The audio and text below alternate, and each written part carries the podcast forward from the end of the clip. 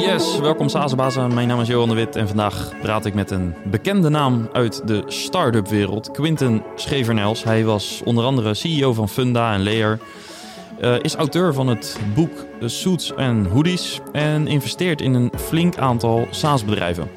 We praten over het schalen van een SaaS-bedrijf en alle uitdagingen die, daarbij komen kijken. En natuurlijk ook over zijn uh, persoonlijke lessons learned.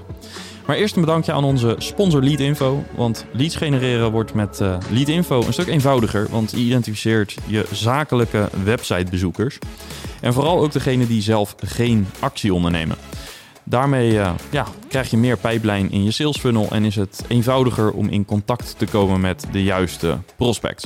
Ga naar leadinfo.com slash saasbazen voor een proefperiode. En dan is hier mijn gesprek met Quinten. Enjoy!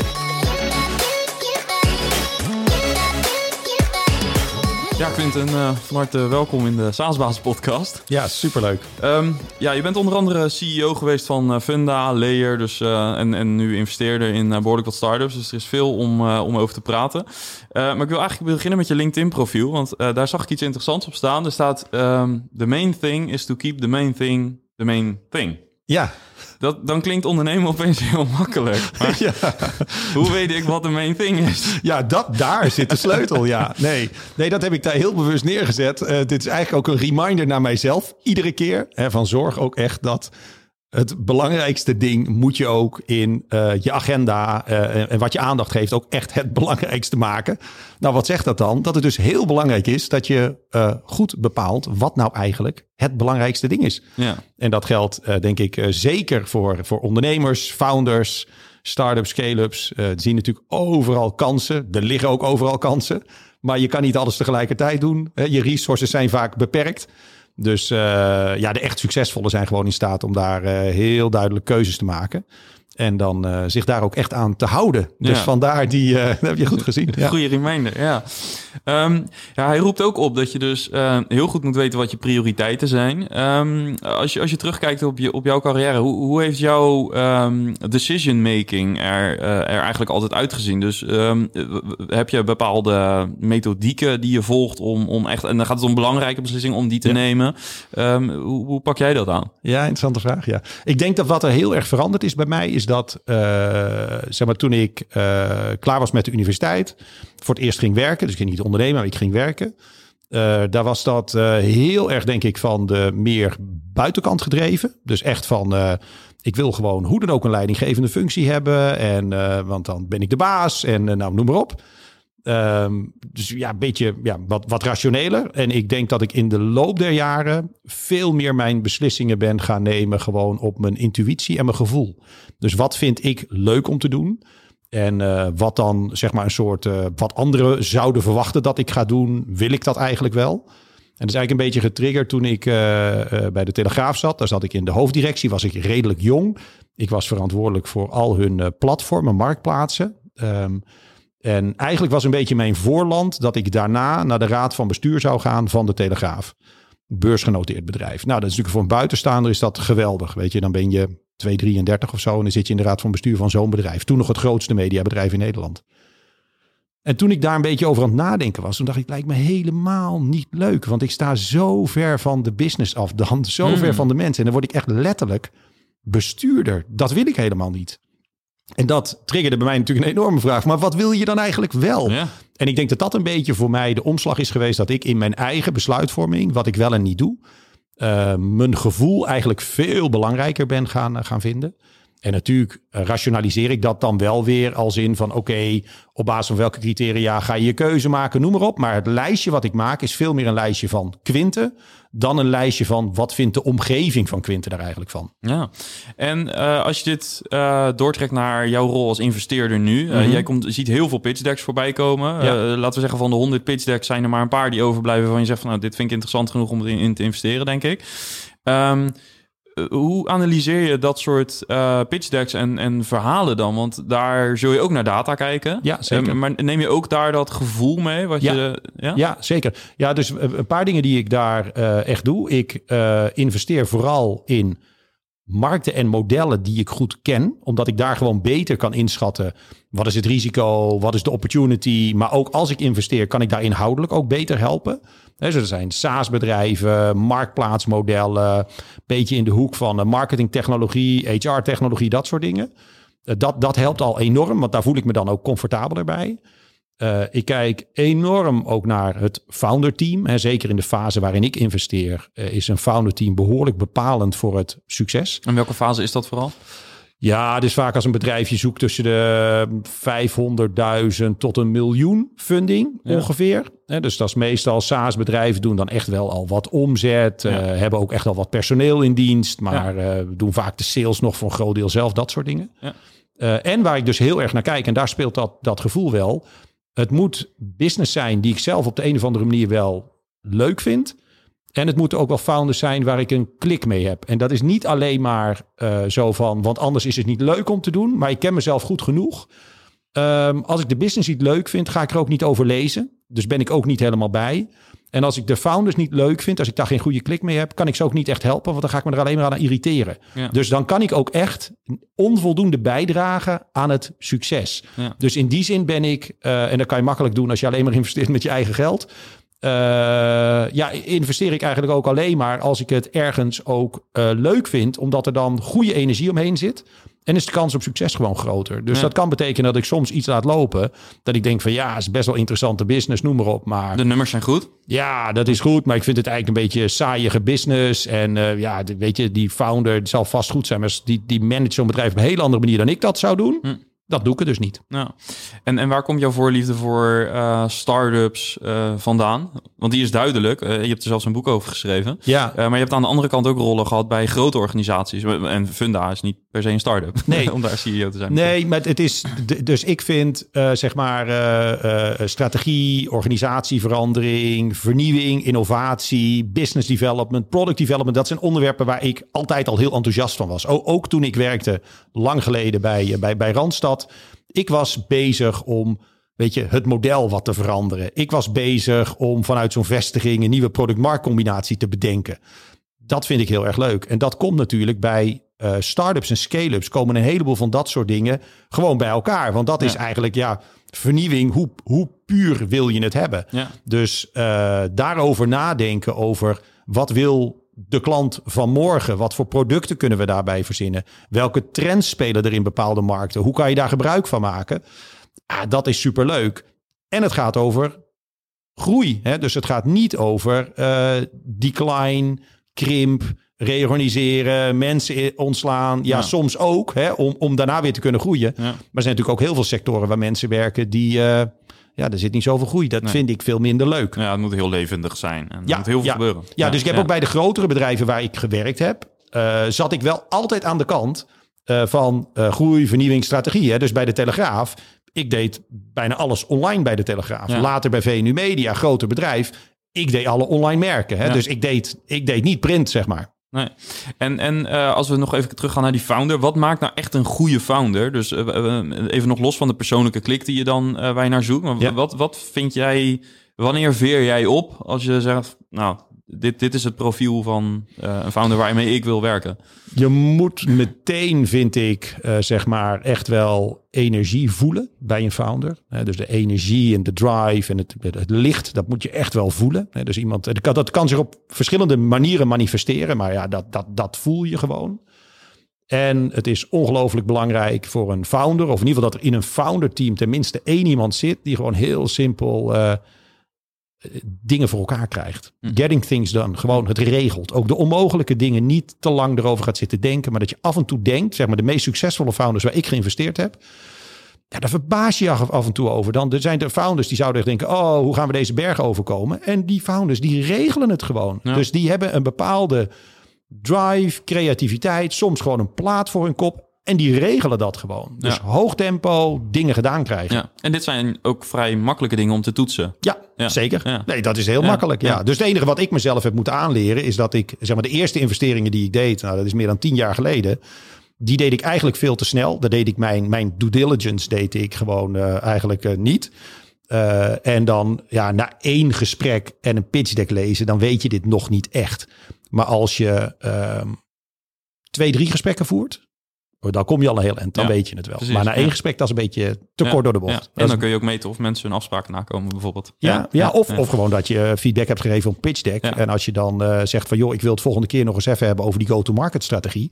Dat je dan een week later kan zien van oké, wacht even. Wat Juist. hebben ze nou eigenlijk met die feedback gedaan? Uh, hoe snel itereren ze? Uh, kunnen ze misschien een ei- aantal eigen overtuigingen, zijn ze bereid die opzij te zetten? Omdat een ander idee misschien beter is? Wat voor data gebruiken ze? Of hebben ze helemaal geen data? Is het alleen maar anekdotes? Ja. Ja.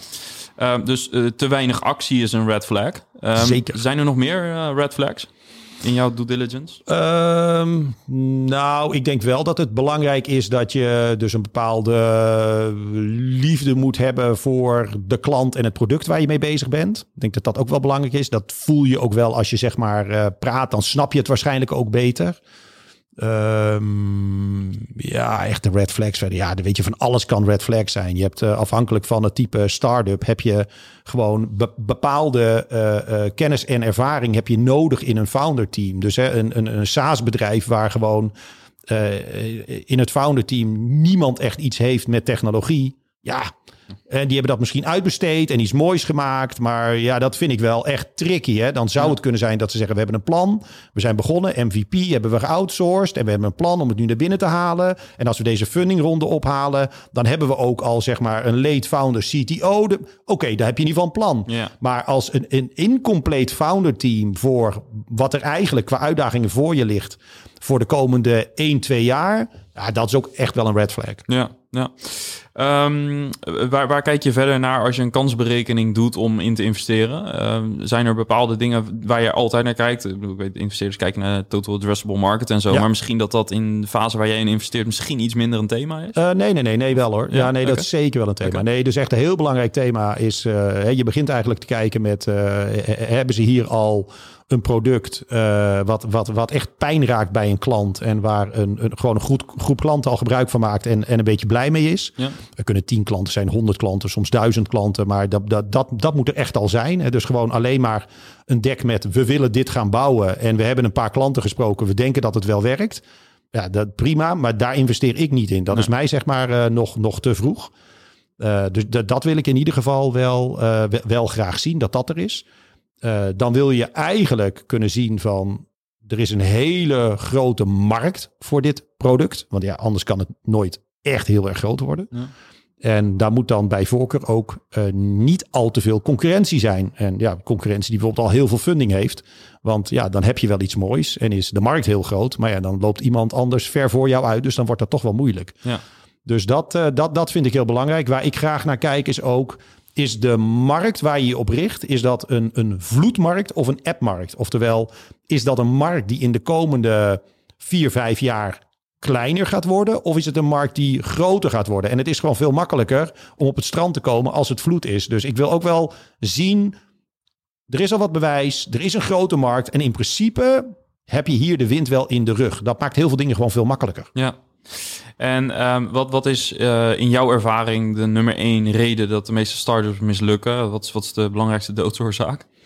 Ja, het is heel vaak uit onderzoek blijkt ook dat het vaak is dat het onvoldoende lukt eigenlijk om een product te maken dat echt een probleem van een klantgroep oplost. Ik ben alleen een beetje geneigd op basis van de afgelopen jaren. Maar dat kan ook zijn door zeg maar de pitch decks die ik krijg. Hè, dat, ik, dat mijn sample niet meer representatief voor de markt is. Dat uh, het meer zit in uh, onvoldoende in staat zijn om dat product op schaal naar de markt te brengen. Hm. Dus dat is eigenlijk wat ik de afgelopen jaren vaker zie. Dus best een goed product, mooie markt, uh, grote markt die er beschikbaar is, maar dat het eigenlijk gewoon niet lukt dat een team te lang eigenlijk blijft rommelen aan dat product. Kan ook de samenstelling van een founder team zijn. Zich bijna comfortabeler voelt om gewoon achter de computer uh, code te schrijven. Te pielen met de UX, UI, dat soort dingen. Te denken als we goede content maken, komen de klanten vanzelf naar ons. Ja. Uh, en daardoor eigenlijk niet genoeg gewoon uh, naar buiten gaan. Naar congressen, leadlijsten maken, dat soort dingen. Dus Ja. dat is een beetje binnen mijn eh, subwereld vind ik dat eigenlijk een grotere uitdaging. Ja, dus dat zijn eigenlijk de start-ups die uh, wel wat klanten hebben, hebben al een product, uh, misschien best wel goed ook, uh, hebben dat in die zin succesvol opgezet. Alleen de stap naar herhaalbaar succes, dus ja. echt de deur uitgaan. die stap moeilijk kunnen, kunnen zetten. Ja, ja, ja. ja en vaak ook dat de, de onderliggende metrics hè, met de CAC, de LTV, dat, dat klopt allemaal wel. Ja. Uh, en dan uh, toch eigenlijk niet de juiste tactiek of focus, kenniskunde hebben om dan ook echt serieus te gaan opschalen. Ja. Stel dat er founders zijn die luisteren die zich een beetje herkennen in zo'n situatie. Um, wat, wat is je advies? Dus, dus wat zijn de, de dingen die je kunt doen om uh, wel naar het schalen te gaan? Ja, nou, het begint er in ieder geval mee, en dat gaat dan weer terug naar mijn LinkedIn-pagina. je kan gewoon op een punt komen dat jouw product gewoon bewezen echt goed genoeg is om heel veel meer te gaan verkopen. En dat betekent dat je dus je focus moet gaan verleggen naar dat salesplan. En dat kan betekenen dat dat misschien wat minder in je eigen sweet spot is, maar dat je dat toch echt moet gaan doen. En dat dat soms wat ongemakkelijk voelt, maar het begint er echt mee dat maken tot jouw belangrijkste ding. En dan gewoon, weet je, er is zoveel informatie overal beschikbaar. Mensen die je willen helpen. Uh, winning by design hadden we in het voorgesprek even over. Dan, dan gewoon je gaan verdiepen van oké, in hemelsnaam, hoe gaan wij dit nou doen? Hoe gaan we zorgen dat die honderd klanten die we nu hebben, dat over een jaar, dat dat er gewoon duizend zijn? Hoe gaan we het doen? Segmentatie van je klanten, leadlijsten maken, experimenteren met uh, e-mailing, uh, extern callcenter, weet ik veel wat. Maar die dingen gaan doen. Ander ritme qua metrics. Dit is gewoon uh, dagelijks ritme. Gewoon input, output, allemaal dat soort dingen. Ja. Uh, dan moet, je moet het gewoon gaan doen dan. Ja, dus, dus, dus uiteindelijk, het, het is eigenlijk te veel focus op je product. Te lang misschien. En, en dus uh, niet in staat zijn om een bepaalde vorm van sales drive eigenlijk in je organisatie te krijgen. Ja, ja. dus het nee, het product is nog niet helemaal af. Ja. maar klanten vragen hier ook nog om. Je product is nooit af. Klanten vragen als het goed is altijd om nieuwe dingen. Maar dat wil niet zeggen dat wij een iPhone 14 niet kopen, terwijl de 15 die is ook weer beter. Dus op een gegeven moment moet je gewoon verkopen. Maar dat is dus ook heel erg een mindset ding. Ja, Zeker, ja. ja. en het, kan ook nog zijn dat een founder team een soort eh, product en technologie en marketing allemaal uh, interessanter en intellectueler vindt uh, dan, dan, dan sales. Ja, nou, het zal allemaal wel, maar... Wat gaat de, rekeningen betalen? Ja. Nou ja, ja en de echte waardecreatie, weet je, die, waar is dat op gebaseerd? Niet, niet per se op je NPS-score, maar, maar wel gewoon op uh, omzet, klanten, of die klanten bij je blijven of niet. Ik bedoel, uiteindelijk is dat de, de, de proof of the pudding is the eating. Dat is dat klanten bereid zijn voor jouw product geld te betalen. Dat is het allermooiste bewijs wat er is. Ja. En laten we een fase verder kijken. Dus organisaties die wel in staat zijn om die stap uh, te maken. Dus mm -hmm. uh, ze zijn in staat om, het, uh, om een bepaalde vorm van marketing en sales of, of customer acquisition in te richten. en, en, en dan ehm, gaat het misschien juist heel hard. Dus organisaties waar juist heel veel verkocht wordt. Um, wat zijn daar de typische uitdagingen als het gaat om schalen? Uh, ja, dan, dan moet je natuurlijk uh, er een beetje een, een, een machine van gaan maken. Hè? Dus dan, het is eerst waarschijnlijk een beetje founder-led sales. En dan neem je één, één iemand aan erbij en nog iemand aan erbij. Nou oké, dat is nog redelijk overzichtelijk. En uh, dan worden het er uh, vier, acht, tien uh, sales manager erbij. dan moet je een soort klantsegmenten gaan maken. Dan gaan er ook een paar salesmensen weg en er komen nieuwe bij. Dus dan moet je nadenken over hoe doen we dat eigenlijk met onboarding. Moeten we sales training gaan doen of niet? wat voor marketingmateriaal hebben ze eigenlijk nodig? moeten die salesmensen zelf leadlijsten maken? Moet ik dat iemand anders laten doen? Dus je, je, je moet er dan meer... Ehm, eigenlijk gaat de, de, de founders gaan dan minder sales zelf doen. En moeten eigenlijk meer sales management gaan doen. Dus zij moeten gaan richten. Op, op, op welke klanten gaan we ons eigenlijk richten, noem maar op. Ze moeten gaan inrichten. Welke processen horen erbij, noem maar op. Maar niet meer gaan verrichten. Dat verrichten moeten andere mensen gaan doen. Dus dan moet je een, een, een machine bouwen. Als je dat niet goed doet, ja, dan ben je een beetje all over the place. En dan loop je ook nog het risico als je bijvoorbeeld je klantgroepen niet duidelijk hebt gedefinieerd dat je in sommige hele grote markten een ontzettend diverse set klanten gaat krijgen. Uh, die natuurlijk ook allemaal in de doorontwikkeling van je product best wel weer andere behoeften hebben. Ja. Dus dat kan ook enorm veel chaos geven Ja. in eh, customer feedback ophalen, doorvertalen naar je roadmap. Dus eh, ja, je moet dan wel echt heel scherp houden van eh, waar richten we ons wel op, niet op. De main thing weer. Ja, exact. En ja. gaan we nu naar Duitsland of Engeland? Of gaan we alle landen in de wereld in één keer doen? Wat Ja. natuurlijk helemaal niet kan. Dus dan moet je wel echt eh, eh, keuzes gaan maken om eh, vervolgens mensen, je team, de juiste richting te kunnen geven.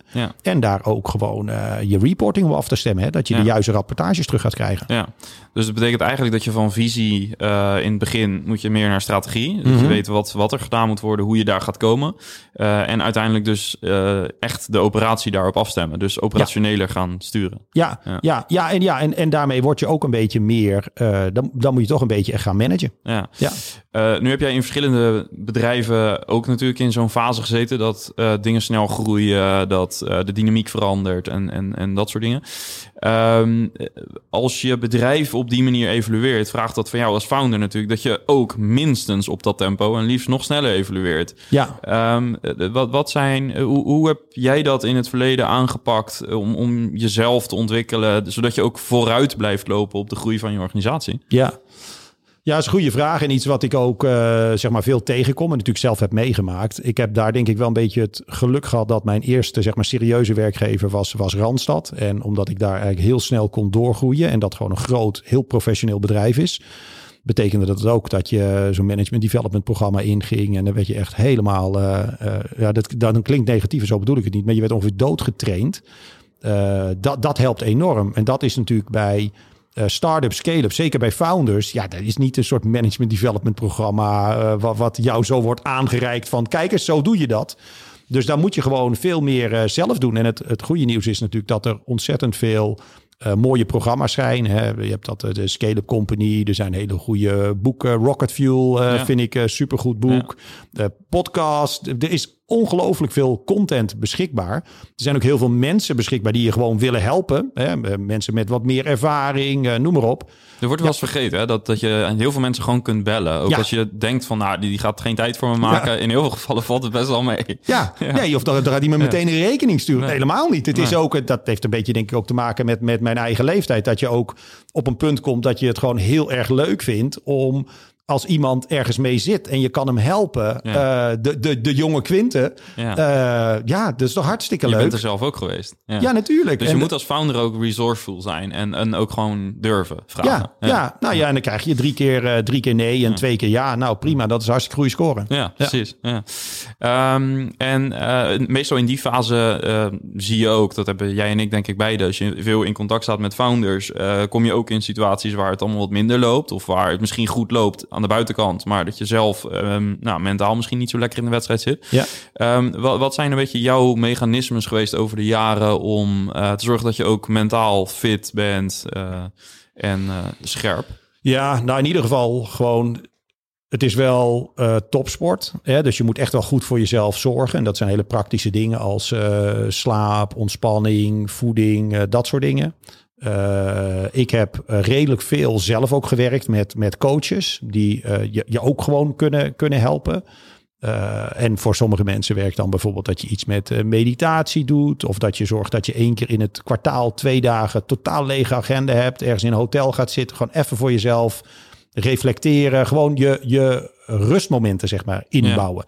En is er misschien ook iets, iets ongewoons wat jij hebt gedaan in de afgelopen jaren? eh, of, of iets wat voor jou gewoon is, maar wat een luisteraar misschien ongewoon vindt? Iets, iets om, om Nou, het meest scherp te blijven? ongewone wat ik denk ik ben gaan doen. En dat voelde voor mijzelf ook ontzettend ongemakkelijk toen ik dat deed voor het eerst.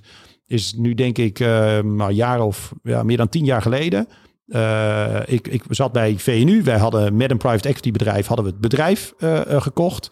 En daar lagen ongelooflijk veel opportunities. En er werd aan alle kanten aan mij getrokken. En mijn agenda zat eh, van begin van de dag, einde van de dag helemaal vol. En dan s'avonds moest ik nog allerlei dingen lezen, mail doen, noem maar op. Nou, het was gewoon... eh, ik werd totaal geleefd, had ik het gevoel. En toen eh, las ik ergens dat ehm, eh, Bill Gates... die ging twee of drie keer per jaar... ging die gewoon een week weg in zijn eentje naar een hotel...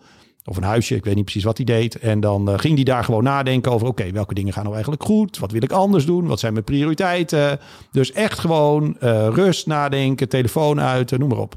En toen dacht ik, dat ga ik ook eens proberen. Maar dat voelde heel ongemakkelijk. En ik zei tegen mijn secretaresse van... ja, moet even een hotel boeken. Oh, wat is dat dan? Ik zei, nou ja, ik ga er gewoon twee dagen zitten. En nou, super waardevol. En dat heb ik, denk ik, een jaar of vijf heb ik dat gedaan. Twee, drie keer per jaar.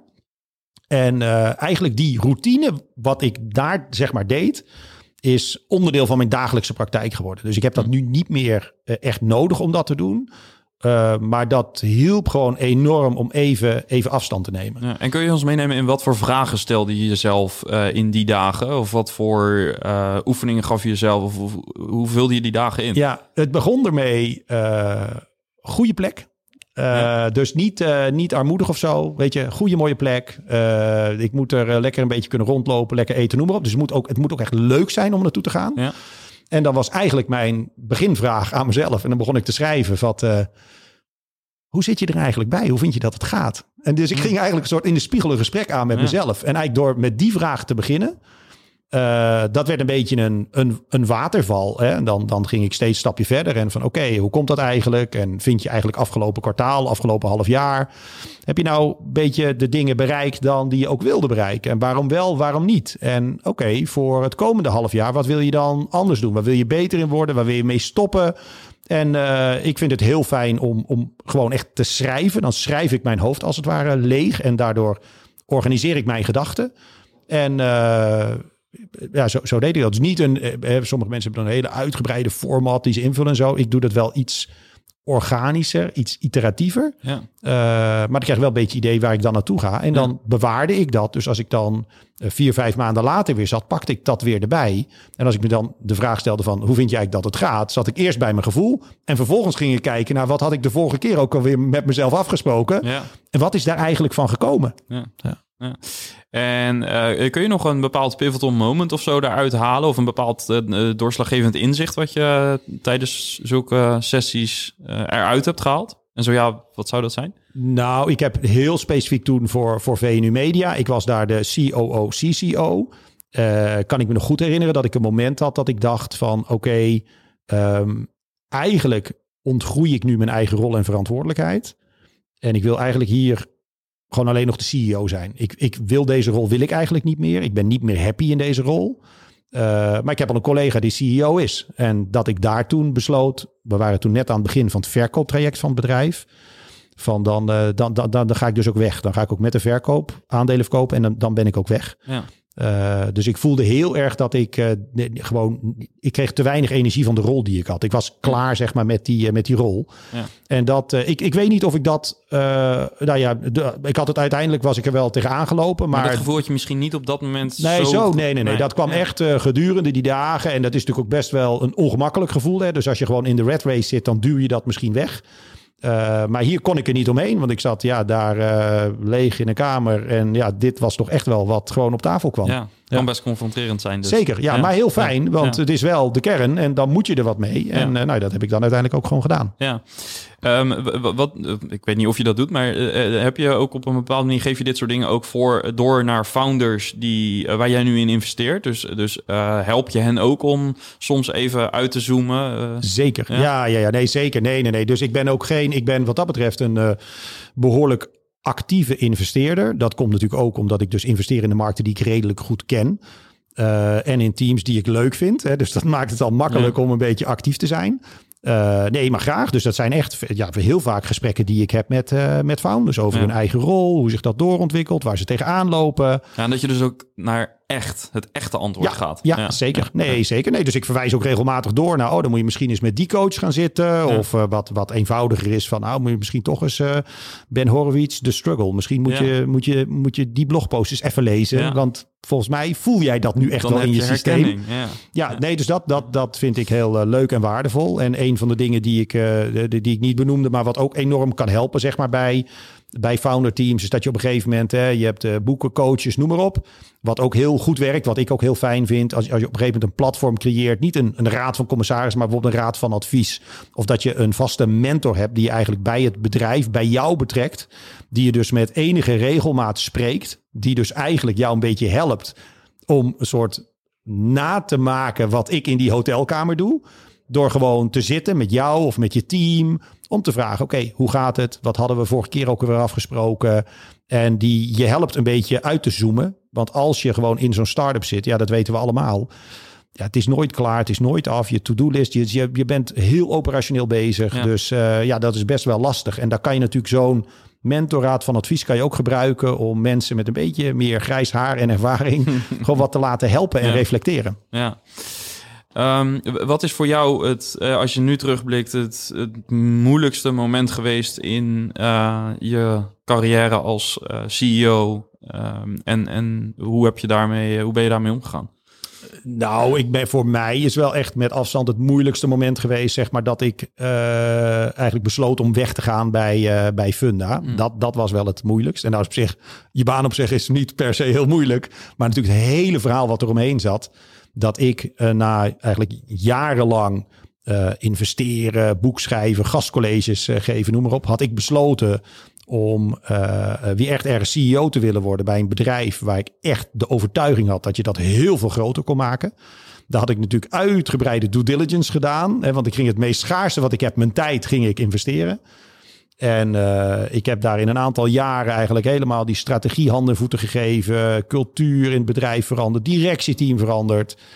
Ja, en daar op een gegeven moment kwam het ja, gewoon ontzettend veel gedoe met de grootaandeelhouder. eh de NVM, Makelaarsvereniging.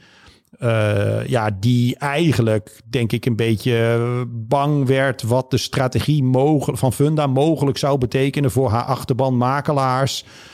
En daarmee werd in één keer werd, eh, eh, mijn- mijn, baan als CEO werd heel erg eh, politiek. En dat Mm. verhardde. Dus ik zat heel veel met juristen. ja, dat was echt totaal niet leuk. En Nee. wat dus heel moeilijk was aan het ontslag nemen bij Funda... is eigenlijk daarmee erkennen dat de reden waarom ik dat was gaan doen...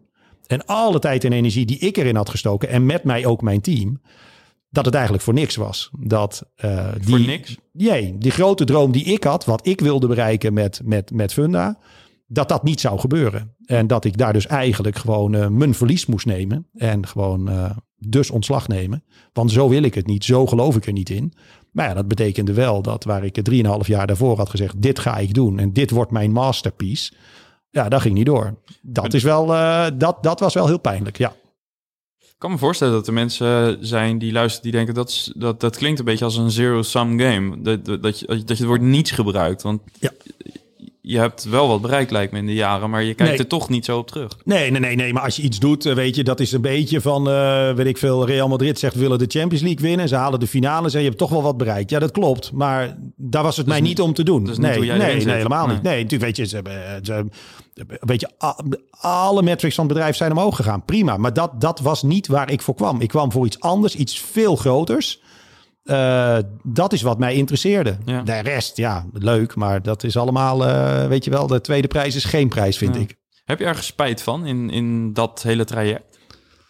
Ehm, ja, spijt, spijt vind ik een beetje een, eh, een lastig woord. Weet je, zijn, zijn er dingen die je anders zou doen? Ehm, ja, misschien wel. Maar ik geloof niet dat het eindresultaat heel veel anders was geweest. Nee.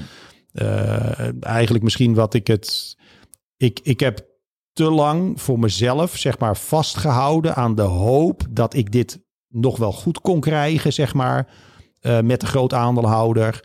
Eh, en maar daar, misschien ook omdat de droom van die finale zo... ja, natuurlijk. Nee, dat was. opgeven, dat is natuurlijk eh, dat is verschrikkelijk. Ja. Dat, maar dat voelde wou ik het niet. uiteindelijk dan als opgeven? Ja, zeker. Ja. Nee, zeker. Nee, zonder meer. Nee, zonder meer. Dat, zo, zo voelde dat echt wel. Maar, maar ook echt wel dat ik gewoon niet anders kon. Dat het voor mij echt, voor mijzelf gewoon, dat er geen reden was om te blijven hangen in politiek, juridisch, noem maar op. Ik ben ondernemend, ik wil veranderen, ik wil vernieuwen, ik wil bezig zijn met klanten, business laten groeien. Ik wil niet bezig zijn met dingen beschermen, tegenhouden, noem maar op. Dus dat kon niet anders. Maar ik heb wel, omdat het zo'n moeilijk, pijnlijk besluit was, eh, heb ik er best lang over gedaan om dat besluit te nemen. En in die periode pleeg je natuurlijk toch wel roofbouw op jezelf. Dus eh, ja, dat, eh, dat heeft van mij ook wel mentaal en fysiek ga je dat op een gegeven moment merken. Heeft dat wel echt wat gevraagd. Dus daar heb ik ook wel even tijd voor nodig gehad om gewoon te rechargen, als het ware, naar Ja. zo'n inspanning buiten je comfortzone. Ja. Dingen doen die je helemaal niet leuk vindt om te doen. Ja, dat, dat is wel stevig, zeg maar. Ja. Ja. En, en ehm, als je op dat moment het bestempelt als iets wat mislukt is, hoe kijk je er nu een paar jaar later dan op terug? Heel wat jaren later. Eh, nou, eigenlijk nog steeds hetzelfde. Ja, nog steeds hetzelfde? Ja, nog steeds Ja. hetzelfde. Ja, nee, ik heb, ik heb onder, onderweg ook met mijn team, we hebben heel veel goede dingen gedaan. Ik heb heel veel plezier gehad ook. En eigenlijk het laatste jaar was het vervelende jaar. Eh, maar nee, het is niet, dit, dit, dit is niet geworden wat ik eh, wou. En dat eh, shit happens, weet je. Ik bedoel, mijn leven gaat door. Ik ben hartstikke gelukkig verder, daar gaat het niet om. Ja. Maar daar baal ik natuurlijk wel van. Ja, want dat was, eh, ja, ik had een heel duidelijk doel. Dat wilden we bereiken en dat is niet gelukt. Ja. En, en kun je wel terugkijken op iets, eh, op, op een hele waardevolle les die erin heeft gezeten voor jezelf? Nou, wat hier natuurlijk zit, is je moet wel echt als je. eh, je, je moet zorgen dat je gewoon heel goed alignment hebt. Eh, als je onvoldoende alignment hebt, en bij founders is vaak het voordeel natuurlijk dat ze, zeker in de fase waarin ik investeer, dat ze eh, groot aandeelhouder zijn. Dus dat betekent dat in ieder geval heel veel besluiten kunnen ze wel allemaal zelf nemen. Eh, moeten ze wel uitkijken als ze er drie of vier zijn, dat ze het onderling wel eens zijn. Maar als je veel ambitie hebt en echt iets groots wil neerzetten, dan moeten wel echt alle neuzen dezelfde kant op Ja. staan. En er kan af en toe een beetje frictie zijn, maar dat kan niet te lang zijn. Want als daar oneenigheid, eh, twijfel, noem maar op. Ja, dan, dan kan het dus niet. Hè? Want de lat de- ligt te en- hoog. Ja, en de frictie zou, de, de frictie is misschien niet zo verkeerd, maar de frictie zou niet op politiek vlak moeten zitten. Dat Nee. zou misschien op, eh, dat zou misschien het, challengen van een visie of zo kunnen zijn. Ja, Wat misschien heel constructief is. Ja, Maar- dat kan je ja. prima doen. En dan Ja. zeg je ook gewoon, hè, we gaan een dag met elkaar zitten en dan Ja. nemen we een besluit. En dan gaan we het ook zo doen. Maar dan is het ook gewoon klaar. Ja. En dan ga je weer de markt in en dan ga je weer dingen doen. En het moet niet zo zijn dat dat dan eigenlijk doorettert, blijft liggen. En dat de ene founder naar de andere founder met een jurist gaat overleggen van eh, brief sturen. En ja, dat is, nou ja, dan weet je al wat er aan de hand Ja. is. Dat gaat niet werken. Nee. Ehm, misschien even om af te sluiten. Ehm, we, in het voorgesprek hadden we het al even over. Het is voor heel veel SaaS-bedrijven een moeilijke markt. eh, met, met de waarderingen die eh, heel anders liggen dan eh, een jaar geleden bijvoorbeeld. Geld ophalen is voor veel founders een stuk moeilijker. Ehm, met, met al jouw ervaring, wat zou je de founders die nu in zo'n lastige situatie zitten, wat zou je ze willen meegeven? Eh, ja, de, markt is inderdaad. eh, de markt is genormaliseerd. Hè? Dus ik denk dat het wel heel belangrijk is om je te realiseren dat de markt, zoals we die daarvoor hadden met die waarderingen zo, dat is niet normaal. Ja. Zeg maar. Hè? Dat is echt. eh, dit is normaal waar we Ja. nu in zitten. Ja, dus fair. Get fair used to it. Hè? Dus dit is echt wel gewoon reality check. Ja, ik denk toch het, het, het pleit ervoor als je een goed product hebt, sales, sales, sales. Want dat is de beste funding die je kan krijgen. Super kritisch zijn naar de kosten die je maakt. Eh, als je funding nodig hebt, ehm, ja, toch misschien wat, wat, wat, wat creatiever zijn in hoe je dat gaat doen. Voorwaarden die je stelt, noem maar op. Als jij nog in je hoofd hebt wat anderhalf jaar geleden normaal was, dan gaat het niet lukken. Ehm, ja, en ja, wat er altijd gebeurt in, eh, in winter met een paar nachten vorst. ehm, ja, nu blijkt ook hoe, hoe goed jij echt bent, hoe goed jouw idee echt is. eh, hoe, hoe blij klanten echt zijn met jou. Ehm, ja, dus misschien eh, als de wind een beetje draait, dat het toch niet zo goed is. Ja, dan moet je misschien ook, zoals ik op een gegeven moment bij Funda mijn verlies moest nemen. Ja, moet je misschien op een gegeven moment ook zeggen van, joh, weet je, linksom, rechtsom, we hebben alles geprobeerd en zo. Maar gewoon, ehm, ja, we hebben gewoon eh, pech gehad, een beetje met de timing. En eh, dit is het niet. Ja. Ja. heel soms kan dat ook gebeuren. En moet je jezelf en je team dan maar in bescherming nemen. Ja. Het is heel vervelend, maar soms gebeurt dat. Ja. Maar achteraf kun je er dus wel heel veel waardevolle lessen uithalen voor je. eh, Ja, zeker. Nee, en dat is natuurlijk altijd met dit soort dingen. Er komt altijd bij alles, weet je, het juiste dingen die fout gaan, die pijn doen, daar, daar leer je het meeste van. En dat is ook waarom, zeg maar, founders, hè, als ze eh, tweede, derde bedrijf beginnen, waarom ze de kans dat ze succesvol zijn, is dan gewoon statistisch groter. Ja. Hoe komt dat? Omdat ze een aantal van de fouten de eerste keer al gemaakt hebben. Ja. Dit is, die gaan ze waarschijnlijk de tweede, derde keer niet meer maken. Nee. Dus ja, dat, misschien is dat gewoon het pad wat jij als founder dan moet, eh, moet volgen. Ja, nou ja, en in jouw rol, hoe jij het nu invult, geef je het ook nog eens door aan alle portfoliobedrijven of de bedrijven waar je in investeert. Ja, Eh, dus eh, dat Ja, is, en af en toe kan ik ze natuurlijk ook, wat ontzettend leuk is, dan verbind je ze ook aan elkaar. Hè? Dus dan Ja. kan je ook zeggen van, joh, anders moet je eens even bellen met die, want die, die, die worstelde daar een jaar geleden ook mee. Ja. Of je moet eens hier naar kijken. Of jij denkt dat jouw situatie heel erg is, maar ik heb nieuws voor je. Ik ken er een paar, daar is het nog veel erger. Dus ja, dat, zo, zo moet je elkaar denk ik ook gewoon een beetje eh, eh, helpen. Ja. Eh, en, en er doorheen. Maar ja, dit is echt zo. Dit, dit is de normalere markt. Ja, en je staat er dus niet alleen voor. Dat is wel een beetje de rode draad ook. er zijn heel veel andere mensen die zelfde uitdagingen hebben. En ja, die zeker. er zijn geweest. Ook. Ja, ja. en zoek de plekken op waar je dus ook gewoon met elkaar daarover kan praten. Want dat geeft dus bijna therapeutisch. dat, geeft ook, dat geeft ook heel erg steun. Maar het is heel, heel moeilijk, denk ik, hè, als je inderdaad uh, scale-up hebt en je hebt, ik weet het niet, 20, 30, 40, 50 man personeel en je kijkt naar je runway, je denkt, oh jeetje, ja, dan ga je natuurlijk niet met je personeel meteen delen. Dan raakt iedereen in paniek. Dus het kan op een gegeven moment ook best wel eenzaam zijn. Ja. Uh, maar dan zijn er ook andere founders ja. uh, en, en, zoek die dan gewoon op. Of, of mensen zoals ik die uh, een keer een luisterend oor kunnen, kunnen zijn of advies ja. kunnen geven zonder dat ze er heel emotioneel in zitten. Ja, super, dankjewel. Graag gedaan.